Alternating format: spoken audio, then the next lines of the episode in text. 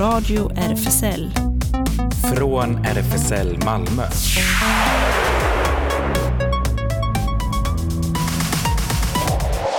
Välkommen till Radio RFSL, Riksförbundet för homosexuellas, bisexuellas, transpersoners, queeras och intersexpersoners rättigheter.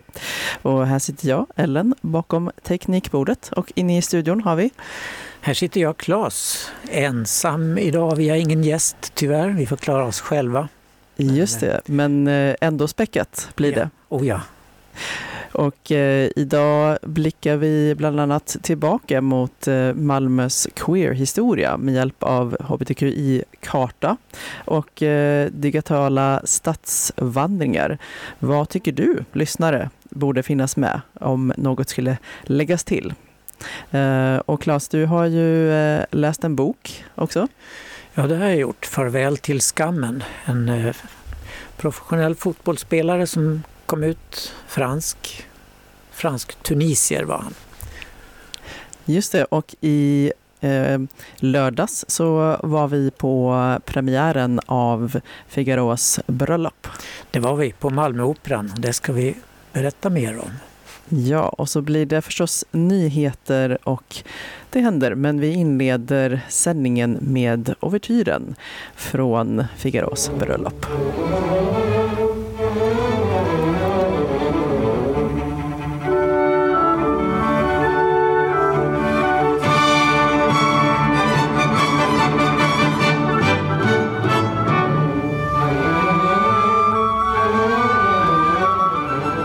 Ja, så här lät det i lördags på Malmöoperan när Operaorkestern under ledning av Magnus Fryklund drog igång ouvertyren till Mozartoperan Figaros bröllop.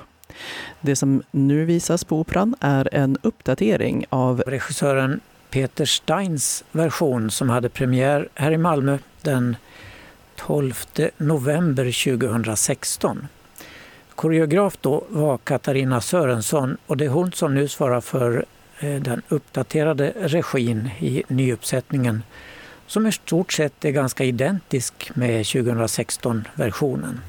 Scenografin av Ferdinand Wögerbauer, Anna Maria Heinrichs vackra kostymer och suggestiv ljussättning av Joakim Barth och koreografi alltså Katarina Sörensson.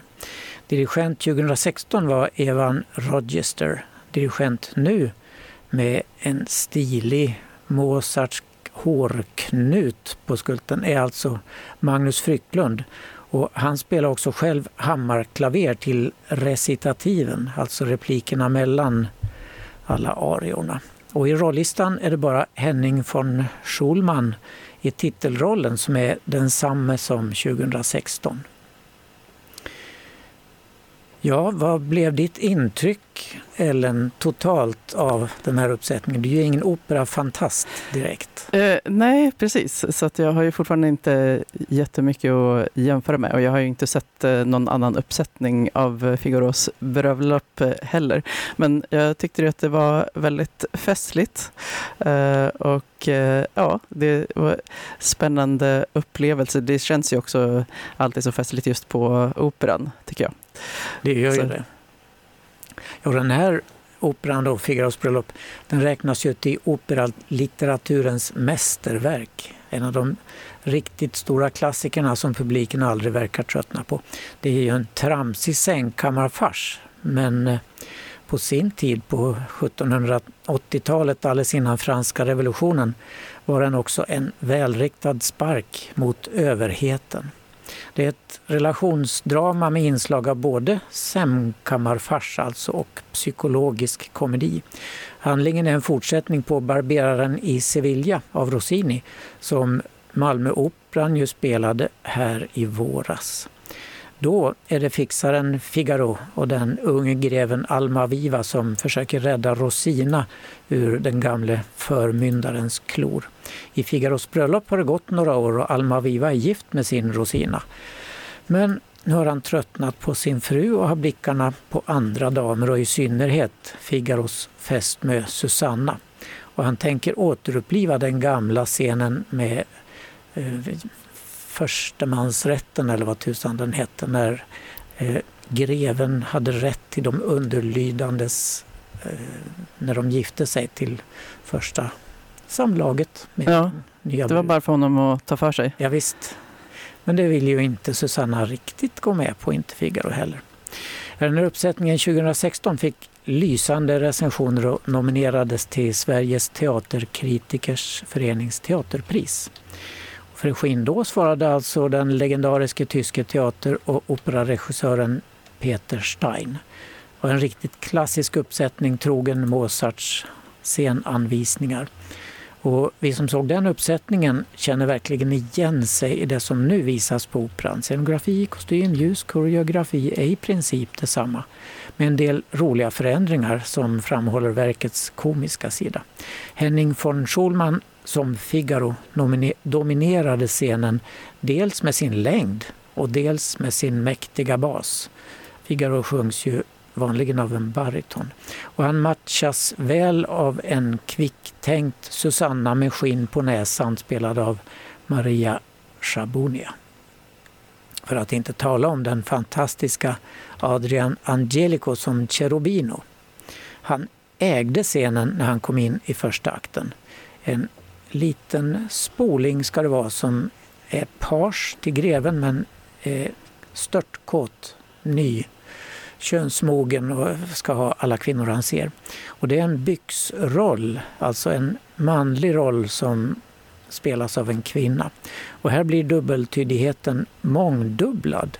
Adrian var kvinna själv fram tills för några år sedan men har kvar sin fina mezzosopranröst. Och i sin roll som Cherubino ska han också klä ut sig till kvinna plötsligt. Och så här låter Adrian Angelico i den fina kärlekssång som Cherubino framför till grevinnan.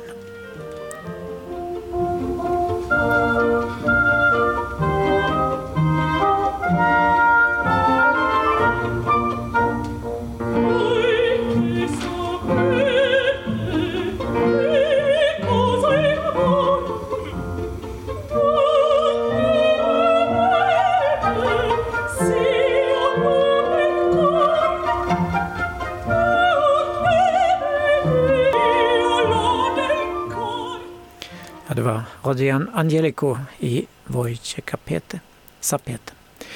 Och sem, sängkammarfarsen blommar verkligen ut i tredje akten med massor med spring i dörrar till höger och vänster. Så mycket att orkestern till slut spelar en liten trudelutt, typ Benny Hill-temat.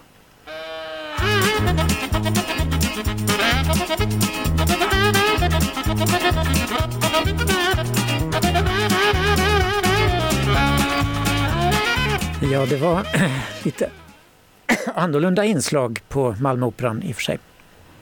Hela den tramsiga handlingen leder i alla fall till slut till att överheten, greven alltså, spelas av Kartal Karadzic, sätts på plats och att männen får sig en i trynet för sin nästan sjukliga svartsjuka. Det blir happy end även för grevinnan Verity Wingate sjunger henne, som i en praktaria i början av andra akten sörjer över att greven verkar ha tröttnat på henne. Och så här lät det.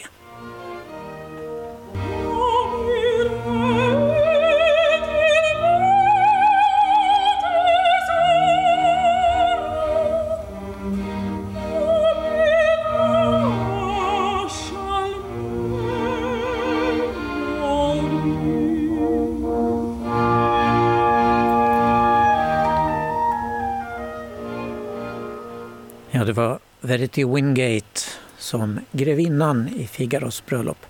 Och operan spelas fram till den 10 februari och den syntolkas den 22 januari. Av mig faktiskt. Ja. Jaha, vad säger du? Kan vi rekommendera den här till lyssnarna? Ja, det tycker jag. Mm. Ja. Håller med dig. ja, då går vi över till en ny bok istället. Eller hur? Just det, du har läst Farväl till skammen. Just det, av Wissem Belgassen. Och Den är skriven i samarbete med Eleonore Girey. Utgiven på Verbal förlag och svensk översättning Johanna Holmberg. Och på baksidestexten kan man läsa det här. Jag är bögen som aldrig avslöjades. Jag rörde mig i en machovärld i åratal utan att någon anade min sexualitet och hela tiden spelade jag febrilt en roll som långsamt förtärde mig. Idag är jag beredd att låna min röst åt alla de som betalar ett högt pris för sitt annorlundaskap. I Farväl till skammen gör Wissem Belgassen, som är född 1988, han ger upp med den homofobi, rasism och sexism som fotbollen ännu brottas med. Apropå VM i Qatar. Det är en stark berättelse om att växa upp i en förort med stenhård manlighetsideal, våld och utsatthet, men också om modet att förändra. Wissem spelade i flera år för Toulouse FC och är idag entreprenör. Wissem förnamnet betyder faktiskt heder på arabiska, inleder sin mycket läsvärda bok med att berätta om 60-talsförorten där han växte upp. En plats där varken studenter eller pensionärer någonsin sätter sin fot, som han säger. Hans familj var mamman och fyra systrar. Den missbrukande och våldsamma pappan dog när han var åtta år. Föräldrarna, båda från Tunisien, och uppväxten som var mycket muslimsk. Som pojke favoriserades han från första stund. Lille prinsen, den som skulle föra familjenamnet vidare, skyddad och älskad. Han höll sig borta från den allmänna droghandeln och gillade skolan och fick bra betyg. Mamma var stolt. Han drabbades tidigt av en förälskelse som är väldigt vanlig där han växte upp, passionen för fotbollen och blev så småningom en av de lovande ungdomarna på Toulouse Football Clubs Academy där han kunde lyfta sin första lön redan som 14-åring. Den stora drömmen att bli professionell fotbollsspelare. Det fanns bara ett moln på himlen, men det kom att avgöra mitt öde, skriver han. Jag var homosexuell. Jag gillade killar, jag var attraherad av dem och inget av allt det jag försökte, terapier eller vad som helst, kunde ändra på den saken. I en värld som underkände min sexualitet blev lidandet allt större tills jag till sist insåg att jag aldrig skulle bli lycklig om jag fortsatte att förneka och vägrade acceptera den. Det är den historien jag vill berätta idag, för att folk ska sluta tänka att man kan dölja sin smärta att en homosexuell alltid känns igen på sina maner och att en muslim inte kan tänka fritt, säger Wissem. Lycklig barndom trots omgivningen med ständiga kamper mellan araberna och romerna i området. Stora klasskillnader i skolan med romer, araber och rika. Han berättade om den framväxande homosexualiteten så här. Jag var liten, troende och väluppfostrad och det skulle aldrig fallit mig in att ifrågasätta imamernas läror. I moskén talades det alltid om den hemska homosexualiteten. Men det fanns en motsägelse som störde mig mer och mer när jag blev äldre, även om jag aldrig pratade med någon om det. Varför sa man å ena sidan att homosexuella är sjuka människor men samtidigt att de måste straffas som om de själva valt sin synd. Den här dubbla bestraffningen kunde jag inte förstå. Enligt allmänna meningar var det dessutom bara fransmän som var homosexuella. Eh, och sen hörde ofta folk säga vi araber är inte sådana. Men upp, eh, han upplevde sin egen skam och med fasa växte attraktionen till män trots macho-attityden och han kom alltmer att känna sig som en heterosjäl inspärrad i en homokropp. Han är bra i skolan, avancerar snabbt i fotbollsvärlden och jobbar hårt på att dölja att han tänder på killar. Han blir värvad till Tunisien, mammans hemland, Tunisiens juniorlag som ska spela mot Ghana och han upplever det som mitt Afrika. Men ångesten över att vara bög tilltar. Han presterar sämre på planen. Jag la så mycket kraft på att försöka lyckas i en diktatoriskt heteronormativ miljö där min skam över att vara annorlunda bara växte, att jag inte hade tillräckligt med krafter kvar att lyckas i min sport. Han försökte läka sig genom att fly till USA. Misslyckades totalt i Denver med fotboll där. Så han vandrade runt i New York och beslutade sig för att lämna fotbollen. Vid det här laget vet jag att min sexualitet inte går att förena med fotbollen så som fotbollsvärlden ser ut nu. Valet är tufft, men att förtränga min sexualitet är ett för högt pris att betala. Det känner jag i kroppen. Jag är bara 20 allt borde vara möjligt. Så homofobin tvingade mig att överge min dröm, att försaka min kärlek till fotbollen, att fortsätta satsa på mitt livs passion.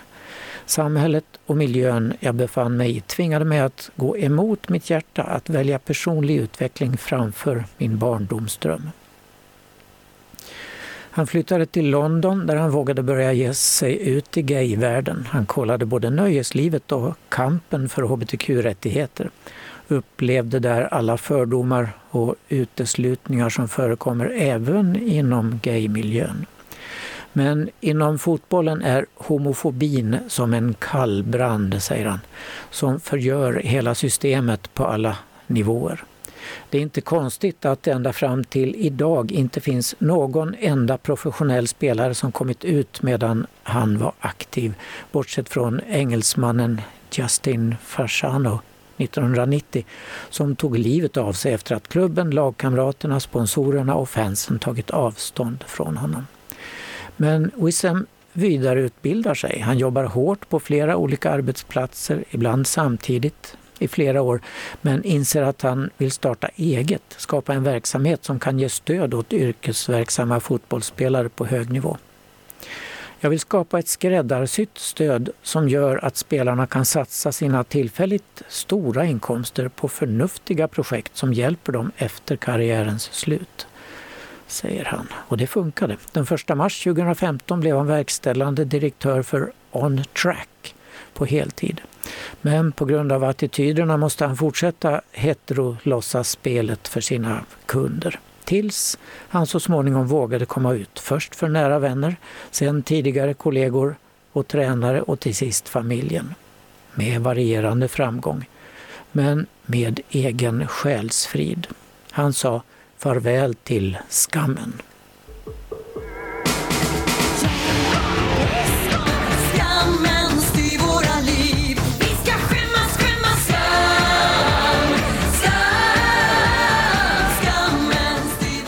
Det var Skam med Nanne. Nanne Grönvall, hon har en bra röst tycker jag. Ja, just det. Och eh, då förflyttar vi oss till eh, Malmö och närmare bestämt kartor, stadsvandringar. Ja, det har ju eh. varit min specialitet i många år. Ja, precis. Just det. Jag var med och hjälpte till att göra den här kartan som Malmö stadsarkiv gav ut för ett par år sedan. Ja. Ride to Pride. A Ride to Pride och eh, den hittar man, eh, ja man kan helt enkelt eh, söka på den så kommer den upp ganska direkt i pdf-form eller så finns den också på Stadsarkivet i fysisk form fortfarande. Ja då, det borde bara, bara ja. gå in och hämta. Ja, mm. så att man kan ju antingen eh, då gå runt själv och läsa sig till de eh, olika punkterna. Men eh, man kan också lyssna och eh, i själva kartan så, så hänvisar de till eh, var, man, var man hittar. Eh, man kan gå upp, man kan eh, ta del av stadsvandringen History is not a straight line i appen Be Here Then. Eh, står det där. Så att, eh, och, där, och där hänvisas också till ehm, att man kan lyssna och vandra till audioguiden I'm Every Lesbian Malmö som eh, faktiskt kom ut 2014 såg jag. Eh, och den eh, finns i appen Easy Travel. Och den är så bra, den har jag faktiskt använt rätt mycket av i min, mina stadsvandringar. Ja, vad kul. Jag måste ju erkänna att jag är väldigt sent på bollen för jag, jag hade faktiskt inte upptäckt den appen förrän eh, ja, tidigare idag. Så, men eh, Jag tyckte den var rolig och eh, där, ja, man kan ju ladda ner den på mobilen eller också på datorn kan man få fram den kartan som de utgår från och de olika punkterna. Och jag eh, lyssnade på, på flera av punkterna. Jag, jag eh, val, har valt ut några här som jag tänkte att eh, vi, vi kunde lyssna på. Eh, och den första heter eh, Biblioteket. Nu ska vi se, nu, nu sitter jag och eh, använder fel dator, min egen laptop. Men nu ska vi se, nu, nu har jag rätt dator här och vi kan spela upp en liten snutt av um, biblioteket. Eh, där kom den ja. Eller?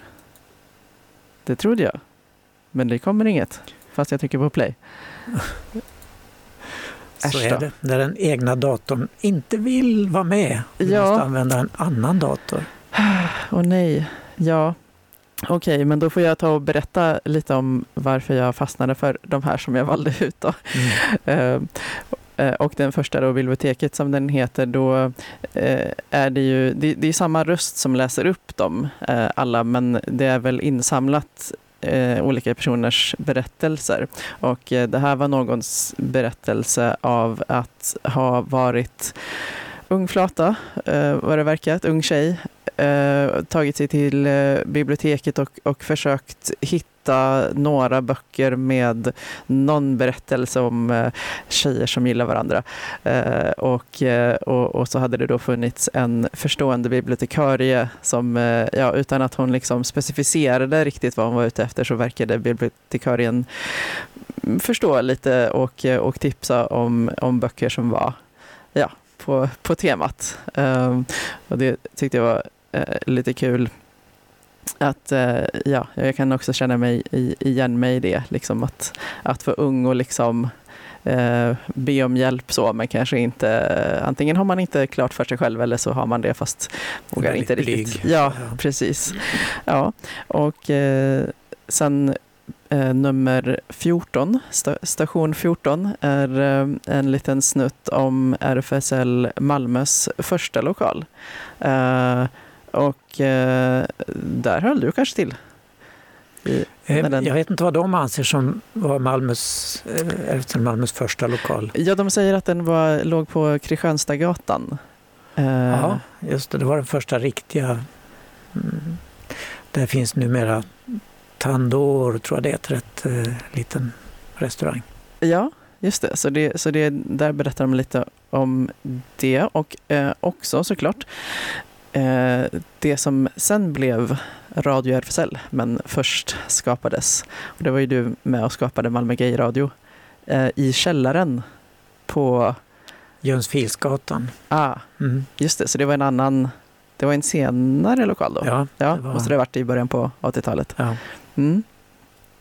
Just det, och sen eh, kommer station, eller punkt nummer eh, 38 på promenaden och eh, där är det någon som eh, berättar eh, personliga erfarenheter av eh, Wish som, som då, när det här då gjordes, hade ganska nyligen startat upp och fick dela lokal med SLM som då fanns på Blekingborgsgatan, om jag minns rätt. Ja, mm. just det. Um, så det tyckte jag var lite kul, för då, det minns jag faktiskt själv. Jag hade då 2014 bott i Malmö i två år bara, flyttade ner 2012. Så, att, ehm, så det tyckte jag var lite, lite kul. Um, när, närhistoria kan man säga. Ja, kul man kan känna av i sin egen kropp att ja, det där har jag gjort, varit med om. Ja, just det. Mm, så, ehm, så att man kan ju, som sagt, nu, nu lyckades jag ju inte spela upp härifrån, men man kan lyssna själv om man bara söker i eh, mobilen eller, eller på nätet I'm every lesbian Malmö. Då kan, man, då kan man eh, ta del av alla de här små punkterna och kanske gå rundan Ja, ja, själv. Och så undrar vi liksom om, eh, om man nu skulle antingen eh, bygga på de här befintliga eller, eller göra en helt ny karta, en, en helt ny eh, stadsvandring. Vad, vad skulle man då vilja ha med? Av ytterligare punkter på kartan? Ja, mm. precis. Det, det, det, kan ju, du lyssnare kan ju fundera och, eh, och kanske, ja, det går ju att skriva till oss på Insta eller Facebook. Så om vi får in lite idéer så kan vi ju läsa upp de idéerna under nästa sändning kanske. Ja. Jättebra. Sen har du valt She Diamond. Just precis. Som låt. Ja, precis. Uh, vi kan ta och lyssna på I am her med Sheer Diamond.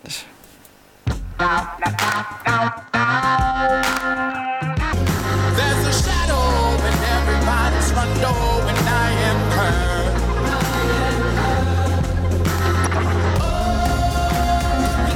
Radio RFSL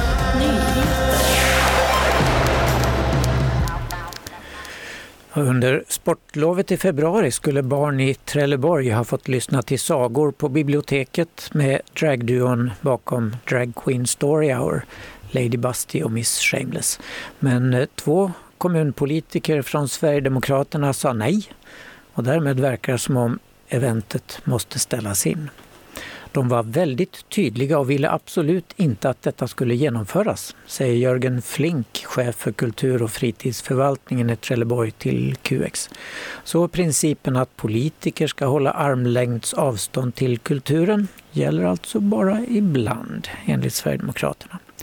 QX ringde upp eh, Ann Kajson Karlqvist, moderat, som är kommunstyrelsens ordförande i Trelleborg som just hade blivit informerad om händelsen och fått höra anledningen till de båda SD-politikernas beslut.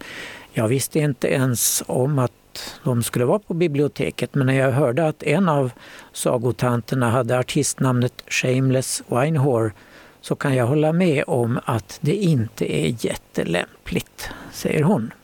Lady Busty från Drag Queen Story Hour ser händelsen i Trelleborg som en bekräftelse på att principen har brutits. Sverigedemokraterna visar återigen att de inte kan hålla armlängds avstånd till kulturen samt hur stort misstroende de har för personalen som bokar in evenemangen. Detta är ett stort hot mot uh, vårt demokratiska rum och visar att man vill censurera och tysta hbtqi plus-kultur, säger hon till QX. Nästa onsdag har vi med oss Lady Busty och Miss Shameless här i vår radio så får de berätta själva hur, det, hur de ser på den ständiga förföljelsen från Sverigedemokraterna. Igår skulle Bollnäs folkhögskolas Lucia-tåg ha skapat god stämning i regionfullmäktige i Gävleborg. Men det satte SD-politikern Mattias Eriksson Falk stopp för. Han tyckte Lucia-tåget citat, inte var traditionellt nog. Slutcitat. Det vill säga att själva lucian inte var kvinnlig nog.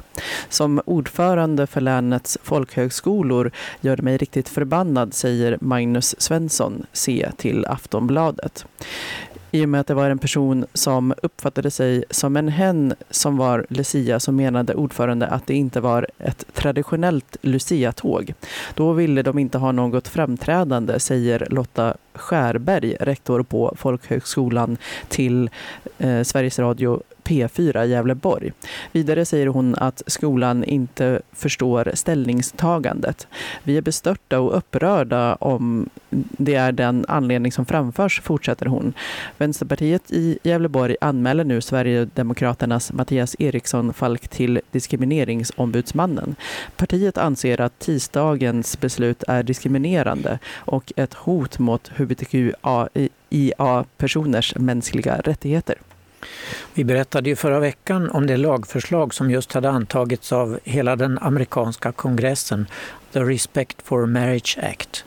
Det skickades då vidare till underskrift till president Biden och igår skrev han under, så nu är förslaget förvandlat till lag. En av de inbjudna till undertecknarceremonin var hbtq-aktivisten Andrew Hartzler. Lagen föreskriver att federala myndigheter i hela USA måste respektera alla samkönade och interracial äktenskap ingångna i en stat eller ett land där sådana äktenskap är tillåtna. Detta gjordes i fruktan att eh, de domslut i amerikanska HD som hittills skyddat dessa äktenskap plötsligt skulle återkallas av den nuvarande stenkonservativa majoriteten i domstolen. Precis som när skyddet för aborter togs bort i höstas. Den vägledande, men nu upphävda domen som skyddade aborträtten kallades ju för Roe versus Wade medan skyddet för samkönade äktenskap kallas för Obergefell versus Hodges. En av ledamöterna i representanthuset som tårfyllt vädjade till kammaren att inte anta detta lagförslag var konservativt kristna republikanen Vicky Hartzler. Men hon fick vältaligt motstånd på TikTok av sin egen brorson Andrew Hartzler som alltså var med vid undertecknandet igår. Det lät så här när Andrew skickligt och mycket leende klipper in sina kommentarer i sin fasters tal till representanthuset. Och man undrar ju hur familjemiddagarna i Hartzler-släkten kommer att bli framöver. I hope and pray that my colleagues will find the courage to join me in opposing this misguided and this dangerous bill. Det var visst klippet av henne där hon eh, gråtandes för fram sin vädjan. Så att vi får kanske eh, helt enkelt länka till hans svar på det. Men du och jag har ju sett det och jag tycker ju att det var närmast skrattretande. Det hon sa och hans kommentar, ja. han gjorde det jättebra. Ja, ja, ja. Precis. Så vi, vi, vi, får länka och så får man sig ett gott skratt. Just det, och då ska vi fortsätta här. Den amerikanska basketstjärnan Britney Griner släpps för, äh, släpptes förra veckan ur fängelset i Ryssland i ett fångutbyte med USA. President Biden meddelade själv nyheten i torsdags. Hon utväxlades med den ryske vapenhandlaren Viktor Baut, kallad Dödens köpman. I fredags var hon tillbaka i USA hos sin fru Sherelle. Som vi berättade tidigare här i radion så greps Britney på flygplatsen i Moskva i början av året. Eh, när hon återvände för att spela i ryska ligan. I bagaget hade hon en e-cigarett med cannabisolja, vilket är förbjudet i Ryssland. Eh, för detta dömdes hon till ett ovanligt strängt straff av många betraktat som ett sätt för Ryssland att ha ett bra bytesobjekt för att få hem Bout. Eh, eh, många i USA jublade över Britneys frigivande men inte ex-presidenten Trump och hans son. Donald Trump menar att bortskämda Griner får skylla sig själv för att hon varit i Ryssland fullproppad med droger medan hans son på sociala medier ironiskt skrev att ingen fixar en bättre deal än Biden. Vi får en fruktansvärd USA-hatande WNBA-spelare samtidigt som Ryssland får en internationell vapenhandlare. Tjusig familj det där. Ja. Qatar, värdlandet för fotbolls-VM, har kritiserats för nationens inställning till hbtq-personer. Men nu ökar en oro för tillslag mot homosexuella efter att VM har avslutats. Västvärldens hårda angrepp mot Qatar kommer att orsaka mer skada än nytta, säger den jordanska aktivisten Khalid Abdelhadi, citerad av Sydsvenskan. Frågan om hbtq-rättigheter har blivit en följetong i samband med VM i Qatar eftersom samkönad sex mellan män är olaglig och straffbar i landet.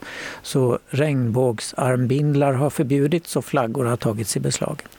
Aktivisten Khalid Kali Abdelhadi är chefredaktör för Maikali, den första webbaserade tidningen för hbtq-frågor i Mellanöstern och Nordafrika. Han bor i Jordaniens huvudstad Amman. Och han säger att han är trött på västvärldens försök att klistra en regnbågsflagga på honom. Jag respekterar regnbågsflaggan men den representerar inte mig som hbtq-person från Mellanöstern, säger han. Som arab-gay så är inte regnbågsflaggan min, säger han. Khaled säger att han inte är orolig för homosexuella personers trygghet så länge fotbolls-VM i Qatar pågår, utan för tiden efter det kontroversiella mästerskapet. Omvärldens hårda kritik mot Qatar kommer att orsaka mer skada än nytta, säger han. Han menar att hbtq-personer i Qatar trots kriminaliseringen innan fotbolls-VM kunde leva ett diskret liv utan repressalier men att det efter den 18 december, då VM avslutats, finns en stor risk för backlash. Man kan läsa mer om den här tidningen och grundaren på Wikipedia. Vi kan lägga ut en länk till det också på vår Facebook. Förra måndagen skrev presidenten Vladimir Putin under den utökade anti-hbtq-lagen som nu gör det kriminellt att sprida hbtq-propaganda, så kallad då, oavsett publikens ålder. Tidigare gällde den bara som eh, citat skydd för barnen. Nu börjar den stora utrensningen i litteraturen. Lagen är omfattande och innebär bland annat att allt från informationsmaterial om sexuella läggningar, förutom den heterosexuella, filmer, reklam och böcker som rör hbtq blir bannlyst i Ryssland. Privatpersoner som bryter mot förbudet kan straffas med böter på upp till 66 000 svenska kronor och för företag eller juridiska personer blir böterna ännu saftigare, upp till 800 806, eh, 8, vänta nu, 816 000 kronor. Eh, därför har den ryska e-bokstjänsten Litres hastigt plockat bort böcker med hbtq-innehåll från sin sida och uppmanar nu författare att skriva om och rätta i böckerna, enligt den ryska nyhetssajten Medusa som citeras i QX. Vi föreslår att de författare vars böcker kan innehålla hbtq-propaganda ändrar sina texter så att deras böcker kan släppas på marknaden igen efter modifiering, eh, skriver Jevgenij Selivanov som är innehållschef för ryska e-boksföretaget Litres till den ryska nyhetsbyrån RBC och tillägger att de skickat ut en förfrågan till författare att gå igenom sina böcker för att säkerställa att de inte innehåller något kopplat till hbtq. Modifieringar, va? Mm. Up yours. Under året har Newcomers Youth släppt en singel, If I had the power, något som QX.se uppmärksammar idag. De bad nätaktivisten Haris Eloy på Newcomers och Newcomers Youth att berätta mer. Och han säger att vi inom Newcomers slåss för rättvisa och jämlikhet för en av Sveriges mest marginaliserade grupper. Unga, queer, immigranter och asylsökande. Vi jobbar dagligen från olika perspektiv med olika mediekanaler för att berätta om situationen för våra medlemmar. Vi har kontinuerligt dialog med Svenska immigrationsverket som bedriver eh, men bedriver också konstnärlig aktivism. Texten till If I had the power är inspirerad av våra medlemmars livsberättelser och det de vill berätta för omvärlden. Tanken är att den ska inspirera och ge kraft åt de som är mest sårbara samtidigt som den uppmanar alla som är i position att göra något att agera, säger Harris till QX. Låten är skriven och producerad av Stefan Storm. Sångaren heter Michael och musikvideon är skapad av Jad Neme, producerad av Harry Selloy och Alexandra Politido Palme från Newcomers Youth. Man kan läsa mer om allt detta på qx.se. Och så här låter singeln som finns på Spotify bland annat och med en fin film på Youtube. Och vi kan lägga ut en länk på vår Facebook-sida.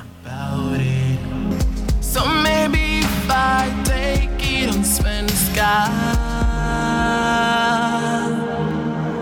Om jag hade makten och gränser på spänn Radio RFSL. Det händer. Ja, det händer som vanligt massor. Vi ser hur mycket vi hinner med här. För att få veta vad som händer på RFSL som har lokal på Stora Nygatan 18 kan man kolla in sociala medierna som vi har på Facebook och Insta till exempel. Och hemsidan håller på att uppdateras så snart kan man hämta info där också. malmo.rfsl.se och vi har öppet café. Mest seniorer kommer dit torsdag klockan 13 till cirka 16. Och seniorcafé på söndagar också 13 till 16. Space Malmö träffas nästa gång lördag 14 januari. Space Malmö söker också volontärer för sin fortsatta verksamhet. Är du intresserad så hör av dig. Mer info på Space Insta-sida. Och Bi plus Skåne ordnar träffar för bi och pansexuella och eh, man hinner kanske vara... Nej, det gör man inte. Jo, det gör man. Idag, den Nej. 14 hinner man inte. Det 14 januari? 14 januari är nästa. Mm, 11 okay. till 13 håller man på då. Just det. Eh, så man får vänta till nästa år. Ja. Eh, och eh, Newcomers har sin populära kaféverksamhet för nyanlända eh, asylsökande hbtqia-personer på fredagar klockan 15 till 19 och även träffar på måndags eftermiddagarna för sociala kontakter och juridisk hjälp. Habitat Q, ungdomshänget, kör på måndagar och torsdagar 17 till 20. Hur det blir under julhelgen vet vi inte riktigt, men man kan kolla på Facebook eller Insta. Eh, och snabel habitat understreck Q kan man DMa för att få veta var, var och när man träffas. SLM Malmö håller till på Sallarupsvägen 30. Det är en medlemsklubb för män och på tisdagar är klubben öppen 20 till 24 men dörren stänger 22. Lördagar är klubben öppen 22 till 02 men dörren stänger vid midnatt. Eh, RFSL-rådgivningen Skåne bjuder in till en kurs i att se konst tillsammans. Första träffen blir den 11 januari och sen fortsätter man resten av månaden tre gånger. Och mer om detta kommer eh, Shana att berätta om här nästa vecka i vår radio. Just det.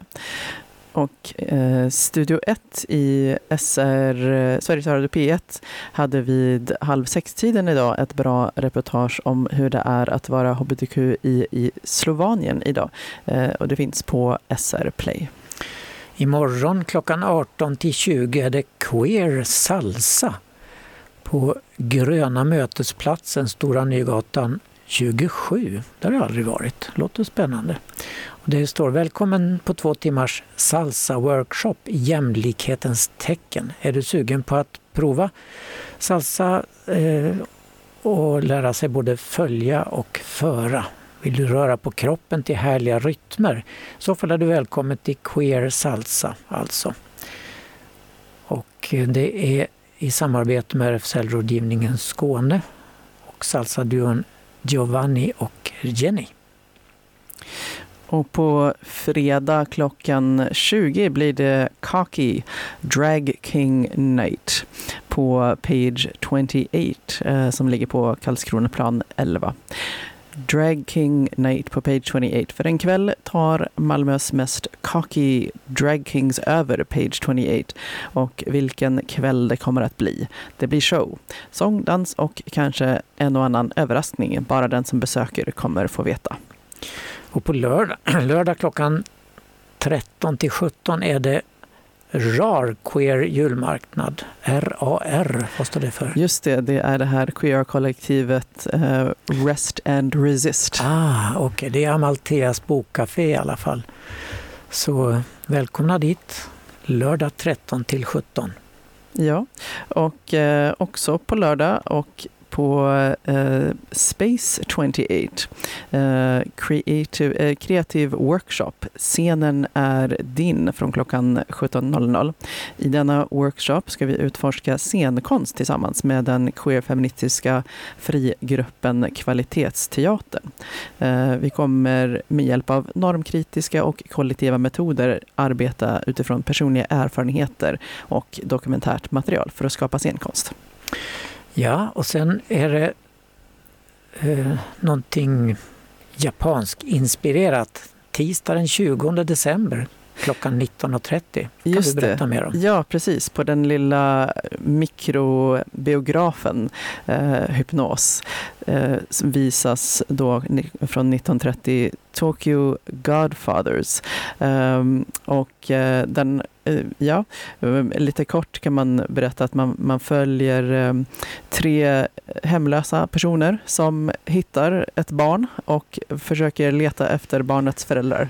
Den har du berättat om tidigare. Ja. Ja, just det. Och eh, nej, men det här är faktiskt en animerad. Det är inte filmen. Ah, inte den? Ja, precis. Det är inte filmen jag recenserade förra veckan. Nej. Utan det här, men jag förstår att du, det, det är inte, inte olikt tema. Eh, precis, men eh, ja, och eh, finns eh, visst queert innehåll också.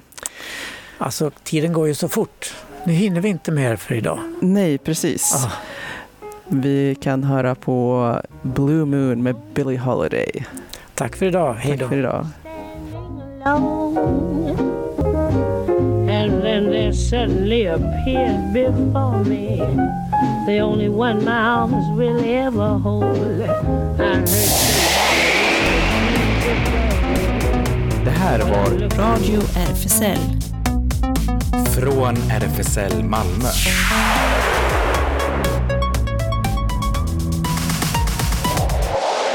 Kolla in Radio RFSL på Instagram och Facebook för mer information.